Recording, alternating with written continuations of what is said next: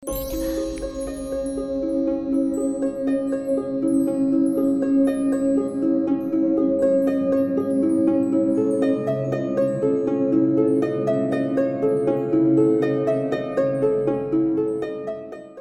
semuanya, selamat malam.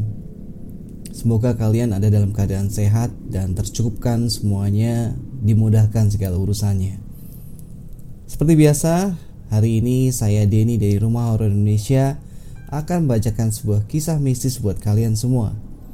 Dan kisah mistis malam ini adalah tersesat di kuburan keramat. Namaku Roni, aku ingin bercerita tentang pengalaman aneh yang aku alami, yaitu tersesat di kuburan keramat. Cerita ini berawal saat aku pulang bertandang dari rumah temanku dan terpaksa harus melewati sebuah komplek kuburan keramat. Hari itu aku berkunjung ke rumah temanku untuk sekedar silaturahmi. Awalnya aku ingin menginap di rumah temanku itu. Namun karena besok paginya aku harus mengantar ibuku ke kota, maka aku harus pulang ke rumah. Setelah pamitan pulang dengan keluarga temanku itu, aku segera tancap gas menuju rumah. Awalnya semua tampak seperti biasa, namun saat aku melewati jalan biasa yang aku lewati, ternyata jalan itu ditutup sementara karena ada acara. Mau tidak mau, aku harus melewati kuburan keramat di daerah situ. Waduh, harus lewat kuburan itu, gumamku dengan gusar dalam hati. Dengan perasaan ragu dan takut, aku memutar motorku dan berjalan masuk menuju komplek kuburan keramat itu. Dengan siaga, aku berjalan melewati jalan setapak antara kuburan-kuburan.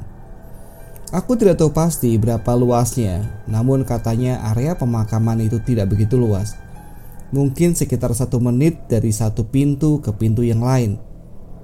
Namun aku merasa aku telah berjalan lima menit namun belum juga melihat pintu keluar makam.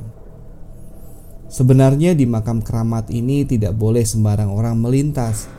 Namun jika terpaksa tidak masalah asalkan jaga sikap.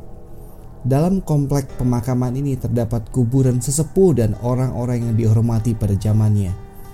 Aku selalu berkata, "Permisi, kulonwun," saat melintas agar aman sampai tujuan. Aku merasa gelisah karena sudah lebih dari 10 menit aku belum keluar dari pemakaman ini. Aku mulai bingung dan rasanya ingin menangis saat itu karena aku sudah sangat ketakutan sekali. Sambil melihat-lihat kanan dan kiri mencari pintu keluar, aku melihat seorang bapak-bapak tua sedang berjalan berlawan arah denganku. Jantungku berdebar dengan kencang. Jangan-jangan ini orang atau hantu? Aku bertanya dalam hati. Mau ke mana dek? Tanya papa itu. Aku tidak menggubrisnya dan tetap berjalan lurus ke depan dan seolah-olah tidak melihatnya. Bingung cari pintu keluarnya? Tanya bapak-bapak itu. Aku segera menghentikan motorku. Sepertinya bapak ini manusia. Dari cara bicaranya tidak menyeramkan, kataku dalam hati. Bapak itu menghampiriku dan bertanya, Mau bapak bantu tunjukkan jalan keluar? Tanya bapak itu. Iya pak, tolong bantu saya. Dari tadi saya bingung mencari pintu keluarnya jawabku. Ayo ikut bapak, kata bapak itu. Aku mengikutinya dari belakang menggunakan motor. Mungkin bapak ini kuncen di sini pikirku saat itu. Dan perasaanku mulai tenang. Aku berjalan mengikuti bapak itu. Namun perasaanku mulai merasa aneh. Karena telah tiga menit berjalan belum juga aku melihat pintu keluarnya. Masih jauh pak? Tanyaku. Bapak itu berhenti dan membalikkan badannya melihatku. Pulangnya besok saja.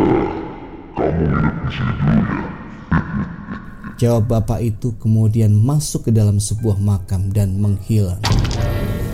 Aku tidak percaya apa yang aku lihat. Seluruh tubuhku merinding ketakutan dan seketika itu aku pingsan di tempat. Keesokan harinya aku bangun dan betapa syoknya aku. Ternyata semalaman aku tidur di kuburan sambil memeluk gundukan tanah sebuah makam. Aku segera berdiri dan menyalakan motorku yang tergeletak di sampingku, kemudian langsung tancap gas. Setelah sampai rumah, aku menceritakan semuanya pada keluargaku dan mereka cuma tertawa mendengarkanku. Mereka juga mengira aku tidak pulang karena menginap di rumah temanku. Oke teman-teman semuanya, itu cerita misis untuk malam hari ini. Terima kasih sudah mendengarkan sampai habis. Sampai ketemu di cerita berikutnya.